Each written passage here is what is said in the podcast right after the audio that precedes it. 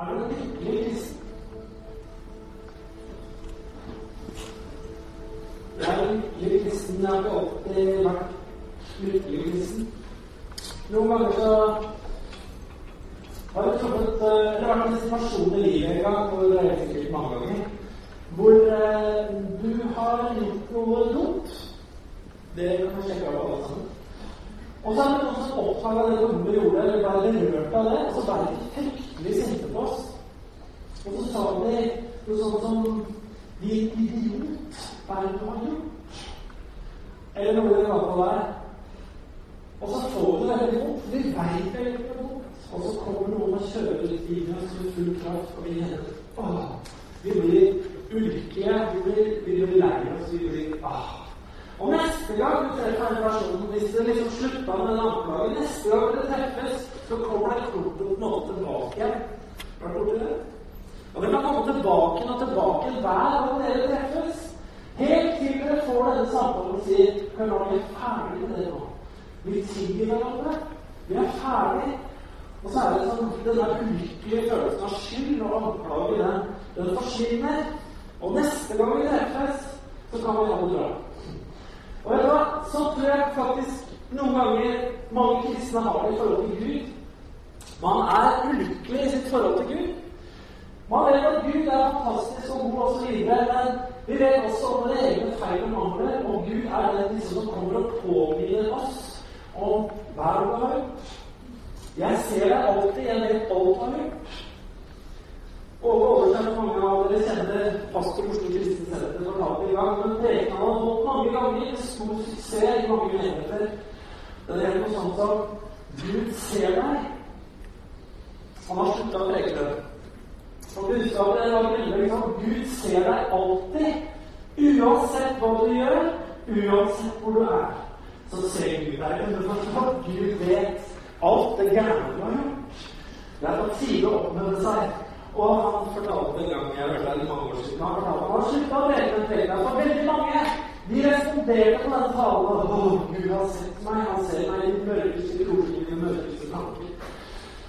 Men så tegner man et bilde av Gud som er ute etter å overvåke deg, som er ute etter å finne feilene dine, som er ute etter å ta deg. Og så blir det det å møte Gud blir egentlig bare sånn klump i magen, denne anklagende faren som ikke får noe godt med. Jeg tror faktisk ganske mange kristne kan ha et sånt forhold til Gud. Men det forholdet vil ikke Gud at du skal ha med ham. Han er en ikke sånn. Han er ikke ute etter oss for å ta oss, ute for å frelse oss. Han er ute for å redde oss. Han er ute for å gjøre ting godt for oss. Og Vi skal fortsette i dag på denne her serien som vi begynte på for tre, tre ganger siden. Eller uker siden. Det skjer litt imellom her. Eh, og det vi holder på med, det er å gå gjennom romerbrevet kapittel for kapittel. Og I skal vi komme til kapittel tre. Det er den fjerde delen av den serien her. Så for å få deg litt på sporet, om du ikke har vært med her, så har vi hatt kapittel én og to. Og det handler grunnleggende som forklarer Paulus, som har skrevet dette brevet. Han forteller hva han skal si om. Han skal eh, forkynne Guds evangelium, altså Guds gode nyheter, til oss eh, mennesker. Eh, og han skal gjennom dette brevet vise oss en ny vei, hva Jesus har gjort for oss når det gjelder frelsen. Eh, han har begynt å anklage oss alle, menneskeheten, for at vi er syndere. Han eh, har ramsa opp forskjellige typer synder som eh, vi mennesker gjør, og så har han sagt at eh, men dere har egentlig ikke noe med å anklage hverandre, fordi at eh, dere har alle gjort det samme. Dere har synda alle sammen. Og I det andre kapittelet som vi så på forrige gang, så var Paulus spesielt ute og retta fingeren sin mot jødene. Jødene hadde Det var Guds folk ikke sant, de hadde fått loven, de hadde fått pakt, de hadde fått profeten, de hadde fått veldig mye fra Gud. Og de tenkte nok om seg selv at de hadde en særstilling i forhold til Gud på den måten at de var noe mer rettferdig enn alle andre folkeslag. Men så sier Paulus sånn er det ikke. Dere jøder, dere har, dere har synda like mye som alle andre. Så snakker vi ikke om det. Nå skal vi bevege oss inn i kapittel 3 og kapittel 7 kapittel 2 da. blir det oss inn fra kapittel 2 til kapittel 3. Og som jeg sa, Paulus har på mange måter gått løs på jødene i kapittel 2. At de fremstår som mer rettferdige. Og, og de hadde dette her den pakten som ble gitt med Gud, at de skulle omskjære alle guttebarna den åtte dagen, som en, en her. Og Paulus sier at skjønner, det hjelper ikke å være omskjært hvis vi gjør synd. Synden den gjør omskjærelsen til ingenting. Det hjelper ikke å være omskjært på kroppen, på det ytre. Det som teller nå, egentlig teller det at det har skjedd en omskjærelse i hjertet. Og hva er omskjærelse? Det er et bilde på at man tar bort urenheten. Det må skje under hjertet deres.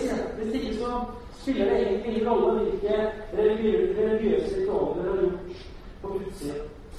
I det tredje kapitlet her så, så skal Paulus ta opp uh, en del ting. Blant annet er det noe for, vært noe fordel for jødene i det hele tatt at de har vært Guds Uh, han tar opp spørsmål om kan, kan, man, kan man synde, kan syndighet være til Guds ære? Skal det litt. Eh, han slår spikeren i kista på dette her med at alle mennesker har synda. Eh, og han begynner å komme inn på lovens oppgave, og så endelig, i slutten av dette kapitlet, glory, som begynner Paulus å snakke om noe nytt nemlig rettferdiggjørelse ved tro. Amen. Jeg gleder meg til det. Så Paulus er fortsatt i et anklagemodus. Han bruker ikke alle kapitler på det. Og anklager oss alle sammen. For å liksom bare slå fast at vi er alle syndere. Eh, vi skal, gå, vi skal gå inn i teksten, og i det tredje kapitlet og i vers 1 så spør Paulus da et spørsmål. Da har han sagt at det spiller jo ingen rolle om dere omskjærer, om dere har vært Guds folk osv. Eh, fordi at om dere synder, så er det egentlig forbudt. Men han spør eh, spørsmålet hvilket fortrinn har da jøden? Eller hva gang er det i omskjærelsen? Mye på alle måter. Først og fremst at Guds ord ble betrodd. Eh, Gud har utvalgt jødene som det folket som Jesus skulle komme fra. Han utsatte seg folk som Messias frelsere skulle komme. Eh, og jødene de fikk jo mange privilegier. De ble privilegert på en måte at de fikk eh, paktene, som de hadde i andre som testamentet. De fikk profetene, de fikk kongene, de fikk prestene.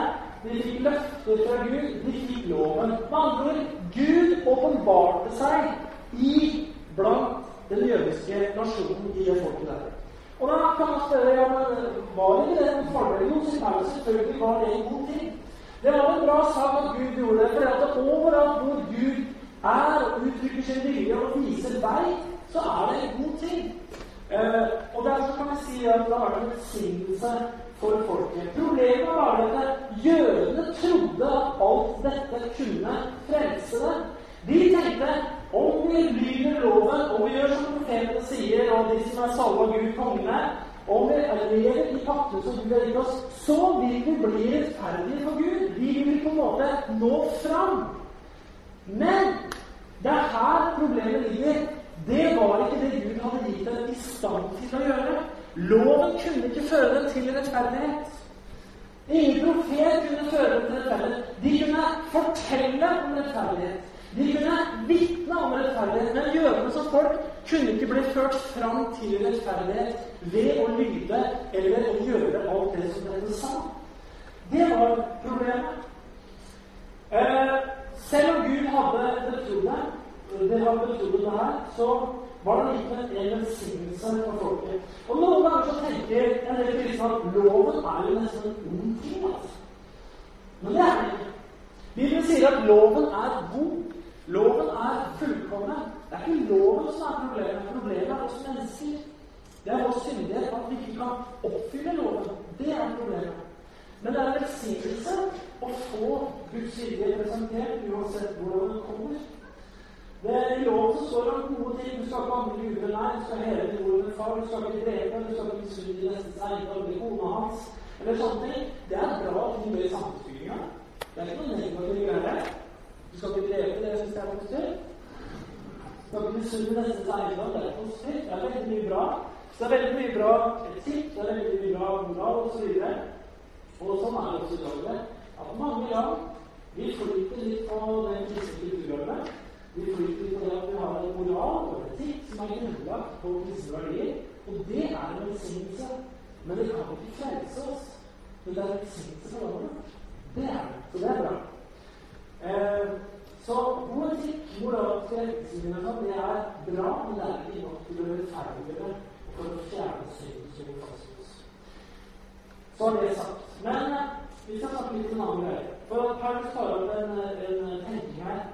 Eh, og Vi kan lese et vers som står i noen vers som står i Romerbrevet 5, eller 3, vers 5-8. Eh, jeg skal forklare litt her. Eh, han, han sier sånn her Dersom vår urett fremhever Guds rettferdighet, hva skal vi da si? Er ikke da Gud urettferdig menneskelig talt når han lar vreden ramme oss? Slett ikke. Hvordan skulle Gud ellers skru denne verden? Men dersom min løgn enda klarere viser at Gud taler sant, og dette blir til hans ære, hvorfor skal jeg da dømmes som synder? Skal vi da like godt gjøre det onde, så det gode kan komme? Det er noen som håner oss og sier at det er dette vi lærer. Vi skal få det godt vi det snakke Hva er det om? Syndighet til Guds ære? Spørsmålstegn. Det forteller meg alle mine illustrasjoner som går på hockey, men jeg lever i en sånn liten verden hvor jeg får bruke det ut. Men for å illustrere det her Jeg, jeg spiller ishockey, og jeg trener sammen to lag. Det ene laget er ikke så veldig bra. De er ikke så veldig flinke. Og når jeg spiller på det laget, så er jeg så er jeg skikkelig god. Jeg fremstår som veldig god når jeg spiller sammen med de gutta. Og jeg scorer masse mål, og og de sier ofte til meg og et par-tre andre at eh, dere er så gode. Dere er umulige, så dere scorer hele tida. Og det at de er så dårlige, gjør at jeg blir veldig bra. Jeg fremstår som fantastisk. Så spiller jeg på et annet lag. Et lag som er veldig bra. Og der skjer jo på meg. Det er ingen som sier til meg etter treninga her Mange har vært fantastisk, det er umulig å stoppe. Ingen som sier det. Eller du skårer jo hele tida. Det er ingen som sier det. Jeg gjør ikke det hele tida på det laget. For det laget er veldig bra. Det er mange som er mye flinkere enn meg. Og det gjør at jeg framstår plutselig som dårlig. Men jeg er den jeg er på begge lagene. Mine omgivelser gjør at jeg fremstår som god eller dårlig. Og det er litt det Paulus snakker om her. Hvis Gud virkelig skal skinne hvis Gud virkelig skal fremstå som stor, er det ikke da bare bra, nærmest, at vi at vi er syndige, at vi synder mye osv. Da må Gud på en måte vise enda mer nåde. Jo mer vi synder, jo mer nåde må Gud vise. Med andre ord Guds nåde blir jo enda større. Hvis jeg synder liksom aktivt å stå på hver dag i uka, og Gud sier 'Jeg tilgir deg', er nåden nok for deg? Da vil Guds nåde fremstå som helt fantastisk. Istedenfor liksom om jeg lever et liv ved ikke gjøre det, da vil jo ikke Gud ha så mye tillit. Og da vil ikke Hans nåde bli så stor, på en måte. Noen sa nemlig om den undervisningen Paulus nå har vært kommet med, at dette blir for lettvint. Det å bare bli rettferdiggjort med tro uten gjerninger, det er for lettvint. Da kan du bare blåse i alt. Da kan man liksom bare leve som et elendig liv. Da vil faktisk Guds nåde fremstå som enda mer fantastisk som selv. Så spør spørsmålet ja, er det den veien vi skal gå. Dersom vår urett fremhever Guds rettferdighet, skal, hva skal vi da si? Hvis min løgn enda klarere viser at Gud taler sant, og det vil til hans ære, hvorfor skal jeg da dømmes som en synder? Altså, Gud burde ikke på en måte Gud være fornøyd med at jeg får andre fremstå bra lys? Akkurat som hvis han dårlig at du få meg til å liksom se religion Nåde er med andre ord ikke en oppfordring til å leve moralsk forkastelig i forhold til standarder som Gud har gitt oss gjennom loven. Nåden er ingen oppfordring til å kaste bort selvrespekten og de gode idealene.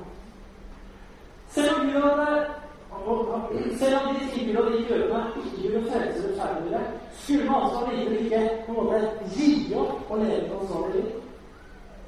Nå går vi fra liksom loven til loven som var på blåsida.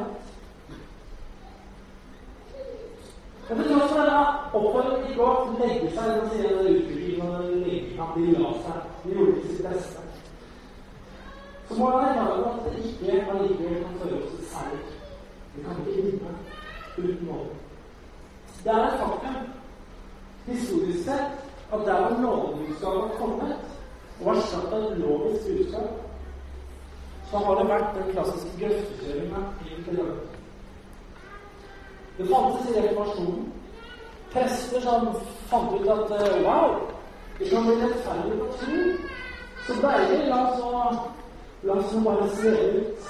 La oss bare leve utsvevende litt. for Gud tilgir alltid uansett. Ja, han gjør det. Men det er en oppfordring til å kaste av gårde alt det gode som Gud har gitt oss i forhold til etikk og moral osv. Det er ikke det nåde handler om. Nåde handler om å møte oss når vi faktisk synder. Det handler om å gi opp og leve et, et, et verdig liv. Det samme var i på apostlenes tid. Det var en synagoge som også het for libertinere. Det har vi da. De å, de var frigjorte. Så de, de slapp alt. Og så levde de på måter som ikke var i pakt med Guds vilje. Så hold balansen er noe av budskapet når lovbudskapet kommer. Vi har sett det også i nyere tider, hvor kristne som går fra lovisk kristendom, oppdager frihet i Kristus som loven, Så bare på en måte kaster bort alt som er standard, og så tenker man nesten om Gud for å enda mer ære enn det. Men det er ikke poenget, sier Paulus. Vi beveger oss videre i kapitlet, og her kan samtale som sånn siste krafttak. Der har vi argumentert både kapittel 1 og 2 for at alle mennesker har synda. Både jøder og hedninger så slår han fast hvordan ståa er for hele menneskeheten. Han sier i tredje kapittel vers 9 til 18, når jeg skal lese disse versene, så står det Hva så? Har jødene jøder noe i deres fordel Nei, på ingen måte. Vi har allerede anklaget både jøder og grekere at de alle er under syndet. For det skrive det finnes ikke én som er rettferdig, ikke en eneste. Det finnes ikke én som forstår, det finnes ikke én som søker Gud. Alle er kommet på avveie. Alle er fordervet. Det finnes ikke én som gjør det gode, ikke en eneste. Strupen deres er en åpen grav, på tungen har de sik, under leppene orker, munnen er full av forbannelse og bitterhet. De er raske på foten når de utøser blod der de ferdes, og det er ødeleggelse og elendighet. Fred, sverd kjenner de ikke, frykt for Gud har de ikke for øye. Det er ikke noe veldig lystig bilde av verdens denne menneskeheten her. Alle, sier jeg, alle har synda. Alle. Absolutt alle. Det finnes ikke én rettferdig, ikke en eneste. Det finnes noen. Det finnes ikke én, ikke én som består står prøve. Det finnes ingen. Og vi kan også si at det kan sette det på spissen, men sannheten er at vi alle har synda. Ingen kan påberope seg fullt og helt å være rettferdig. Ikke en eneste. Vi har alle svikta noe med våre ord. Vi har alle kommet med riktige uttalelser. Vi har alle en gang i livet heia når noen blei undertrykt. Når noen blei mobba, så har vi stått og heia. Har gjort det noen ganger i livet? Noen ganger har vi kost oss når det er gærent for mennesker. Noen ganger så syns jeg det er greit å gå til stykket for andre. Vi har alle hatt våre episoder, vi har alle hatt våre greier i løpet av livet. Ingen av oss har holdt mål. Og Paulus han ønsker å med til mål av selverkjennelse. Uh, uansett om vi gjør det helge, uansett om vi vet noe om Gud eller ikke, så viser at egenrettferdigheten aldri kan føre oss til fullkommenhet. Og nå, kjære venner, så begynner Paulus å peke på en annen vei. Og det er kjærlighet ved tro. Han avslutter på en måte vår kjærlighet, ved å si noe om loven som er lik. I Romer 3, 19-20 så sier Paulus Vi vet at alt loven sier, er sagt til dem som har loven, for at hver munn skal sie, og hele verden står skyldig for Gud. For ikke noe menneske blir rettferdig for Gud, for Gud på grunn av gjerning som loven krever. Ved loven lærer vi synden å kjenne. Loven Hvorfor kom loven? Hvorfor ga Gud si bud? Og det er mye annet i loven leser loven. Paulus sier veldig klart her Loven kom for å lære oss synden å kjenne. Alt det loven sier, sier det til de som er under loven. det er det som er under loven? Vi leste i kapittel to at jødene de hadde fått Moseloven. Men han sier også noe om hedningene. Hedningene har fått loven skrevet i sitt hjerte, sier Paulus. Han sier at eh, derfor så blir det sin egen lov, og samvittigheten vil innbyrdes anklage eller frikjenne. Så Paulus sier at jødene har fått Moseloven, og styrer er på en måte under den loven.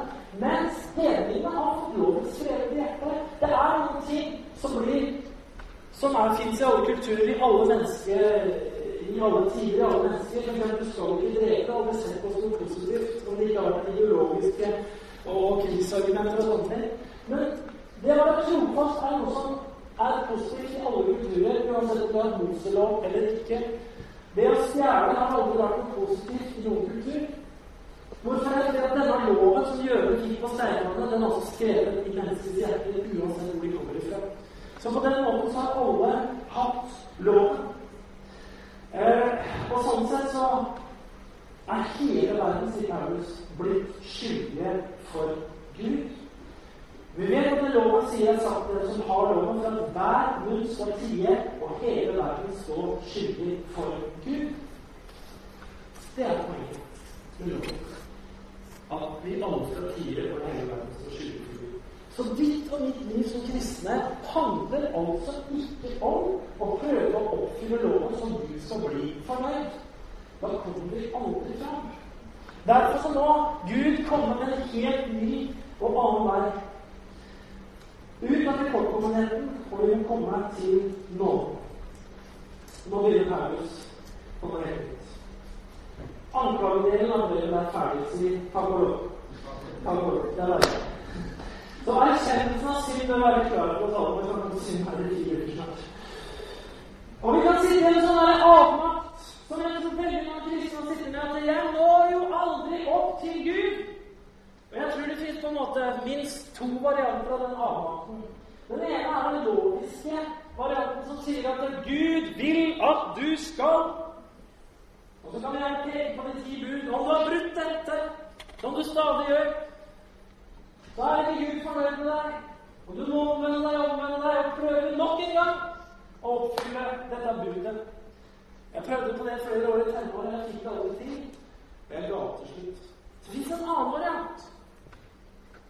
Som kanskje er den uh, vekkelsesvarianten, eller den karismatiske varianten. Gud vil at vi må gjøre mer for ham. Gud er ikke fornøyd. Gud vil at du skal bli mer brennende. Gud vil at du skal bli mer ivrig til å evangelisere. Hvis ikke du har den brannen i hjertet, så er det noe feil med deg. Jeg er stadig ferdig med. Så du må du må fornye deg. Du må tre inn og ikke gi deg. Og du veit aldri når du liksom når nok fornyelse, for at det hele livet går ut egentlig på å komme høyt nok eller dypt nok eller et eller annet udefinerbart. Vi skal alltid leve fornyelse, selvfølgelig skal vi alltid leve fornyelse. Det blir en sånn Gud er ikke fornøyd med deg om ikke du går dypere eller høyere eller lenger ut eller lenger inn eller jeg vet ikke, det er så mange retninger folk snakker om. Eller Men på, på en eller annen måte skal du være et annet sted enn det du er nå. Du kan ikke være fornøyd med livet ditt nå. Bare se rundt deg. Hvor lite du produserer for Gud, hvor lite du gjør. Du bør føle deg elendig. Du bør la meg be for deg når du drar på deg. Og så kan det bli Så kan det bli en evig runddans hvor du alltid burde vært et annet sted enn der du er akkurat nå. For det er alltid noe nytt på vei. Det er alltid noe annet som skal komme. Det er alltid noe sterkere som skal bli. Og så blir man en ulykkelig kristen som løper rundt, og som aldri lander og kan sette seg ned hjemme hos pappa og høre 'Jeg er fornøyd med deg. Jeg elsker deg'. Du får aldri høre det. For du skulle alltid vært et annet sted. Men hør nå. Det skal du ikke. Du må lande hos Gud. Skjønne at Gud elsker deg. Han er fornøyd med det. Og det er først når vi driver av våre hjerter skjønner det, at vi faktisk kommer til å begynne å bære frukt. I glede og ikke religiøst strev. Det fins mange avskygninger av loviskhet, og ikke alle er skrevet på steinkamper.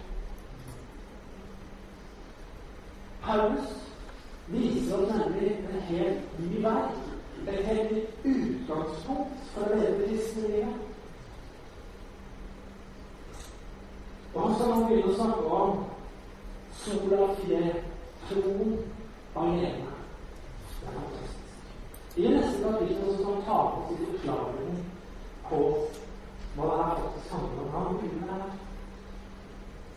I Romerne 3, 21-24 så sier Paulus Han var anklaga som i to.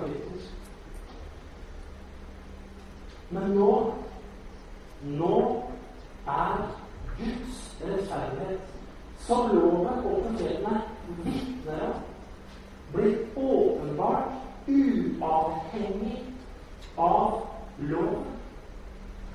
Dette er Guds rettferdighet som gis ved troen på Jesus Kristus til alle som tror. Her er det et forskjell. For alle har synda og mangler Guds særlighet. Men ufortjent av Hans nåde blir vi kjent rettferdige, frikjøpt i Kristus Jesus. Men nå har Guds rettferdighet som loven forteller, vitner om, blitt åpenbart uavhengig av loven. Han sier med andre ord profetene har vitna om Guds rettferdighet i Det gamle testamentet. Har vitna om Guds rettferdighet og Guds standard i Det gamle testamentet. Det er vitnesbyrd om det. Men vi kunne ikke føre oss til rettferdighet. Derfor sier jeg at det her er superradikalt å si. Og for å gjøre det enormt vanskelig å forstå. Nå har denne rettferdigheten blitt åpenbart uavhengig av loven. Han sier med andre ord du kan ta loven, du kan ta steintavlene, og så kan du parkere den på sida her. For at nå har det kommet noe nytt som ikke har med det å gjøre lenger. Det er noe som er uavhengig av det som har vært. Det som vitna om rettferdigheten, det er greit, det var et vitnesbyrd. Det har kommet noe helt annet som er uavhengig av det. Det henger ikke sammen med det. Som åpenbarer Guds rettferdighet. Loven har fram til nå definert rettferdighet. Men nå kommer det en ny som definerer rettferdighet. Og vet du hva? Det er person som kommer, som er Jesus Kristus. Han er den som kommer åpenbart med Gud virkelig er. Bibelen sier et sted hvor det at det gamle, den gamle pakt, loven, det var bare en skygge av det som skulle komme. Er det som skygger der? Så jeg vet ikke om jeg kan få Nei, folk, den skygge her. Ok, sikkert noen skygger oppe her. Men når du ser på en av skyggene her, så vil du se Når du ser skyggen, og du bare studerer, så er det litt uklart. Det er litt sånn Ja, jeg ser at det er cirka, ikke sant? Hvis du bare ser på skyggen, så ser du ikke klart. Men vet du hva? Gud er gjort? Han er åpenbart han som lagde skyggen. Og det er Jesus. Og nå kan vi se tydelig hvem det egentlig er. Hvem. Så Det gamle testamentet og loven det var bare en skygge av virkeligheten. Og nå da drar Gud forholdet fra, og så kommer det fram det som Jesus Kristus. Han er Guds rettferdighet. Han er den nye er uavhengig av loven. Han kommer med en helt agenda. På en helt ny måte. Og Derfor sier han at rettferdigheten skal ikke oppnås, men den skal gis. Og det er en ganske drastisk forskjell, for jeg tror at mange kristne prøver å oppnå rettferdighet. Men nå sier Paulus at nå skal rettferdighet gis som en gave, gratis av nåde, til alle som tror på Jesus Kristus. Ja, men dette var vel veldig enkelt? Ja, det var veldig enkelt. Er ikke det bra?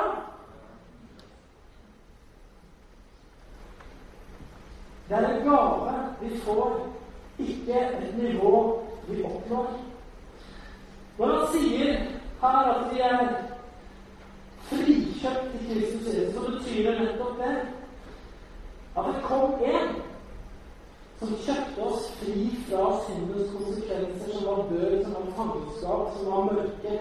Eller kom en som hadde nok penger i banken til å betale oss ut av den straffen vi satt i av vår egen synd. Det kom en som hadde nok kapital til å løse oss ut. av heter Jesus Kristus. Han som ikke hadde synd. Som ga sitt eget liv i bytte for vårt liv. Som tok vår straff, som gikk i fengsel at vi skal være frikjent, og vi fikk friheten som gave av Takk og lov.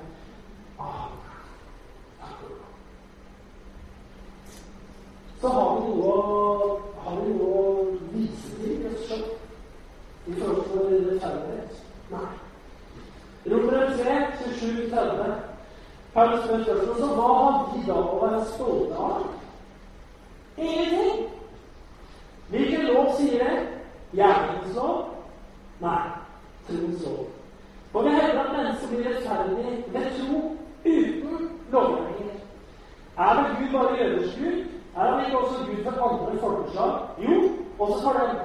For Gud er én, han som rettferdiggjør omskårne av tro og uomskårne av tro. Paulus snakker om lover. Hva er en lov? En lov er noe som skaper en uh, konsekvens av rundt et objekt, f.eks. Hvis vi har Vi har noe som heter tyngdeloven. Det er en lov. Og det gjør at dette objektet her, som heter ark ark er jeg på det, så faller det alltid ned. Det er en lov. Tyngdeloven. Hvis, hvis jeg nå hadde vært på romstasjon et eller annet sted i verden her, jeg hadde hatt det samme objektet, jeg hadde slukket det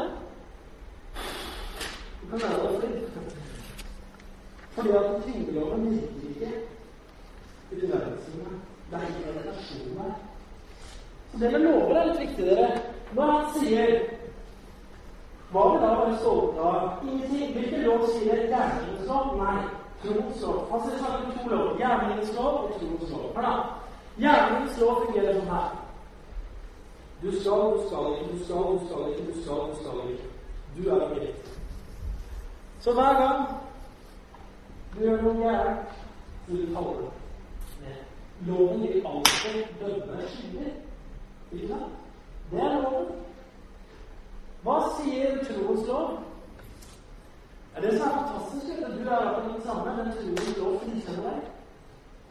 Det er en annen lov som sier f.eks. eh, for eksempel I Norge så har vi disse lover. okay, Hvis jeg er en jeg sitter i bilen med og jeg kjører på E18. Jeg kjører 200, for eksempel. Uh, og så lenge jeg er det rike her som den Norges rike, så er det ingen norsk lov. lov. Hvis lovens langarm kommer på E18 og er å og kjører 200, så skjer det. Den loven jeg er under, i det rike jeg er i, vil dømme meg Jeg vet ikke hva som skjedd. Jeg har mista bilen, lappen, pastorjobben min Jeg har sikkert mista mange ting. Men i hvert fall, den loven hadde gjort at det jeg hadde fått ganske rå konsekvenser. Så drar vi til frihetens herlige rike. Deutschland, Deutschland. Autobahn, Autobahn, ikke sant? Akkurat vært der, altså.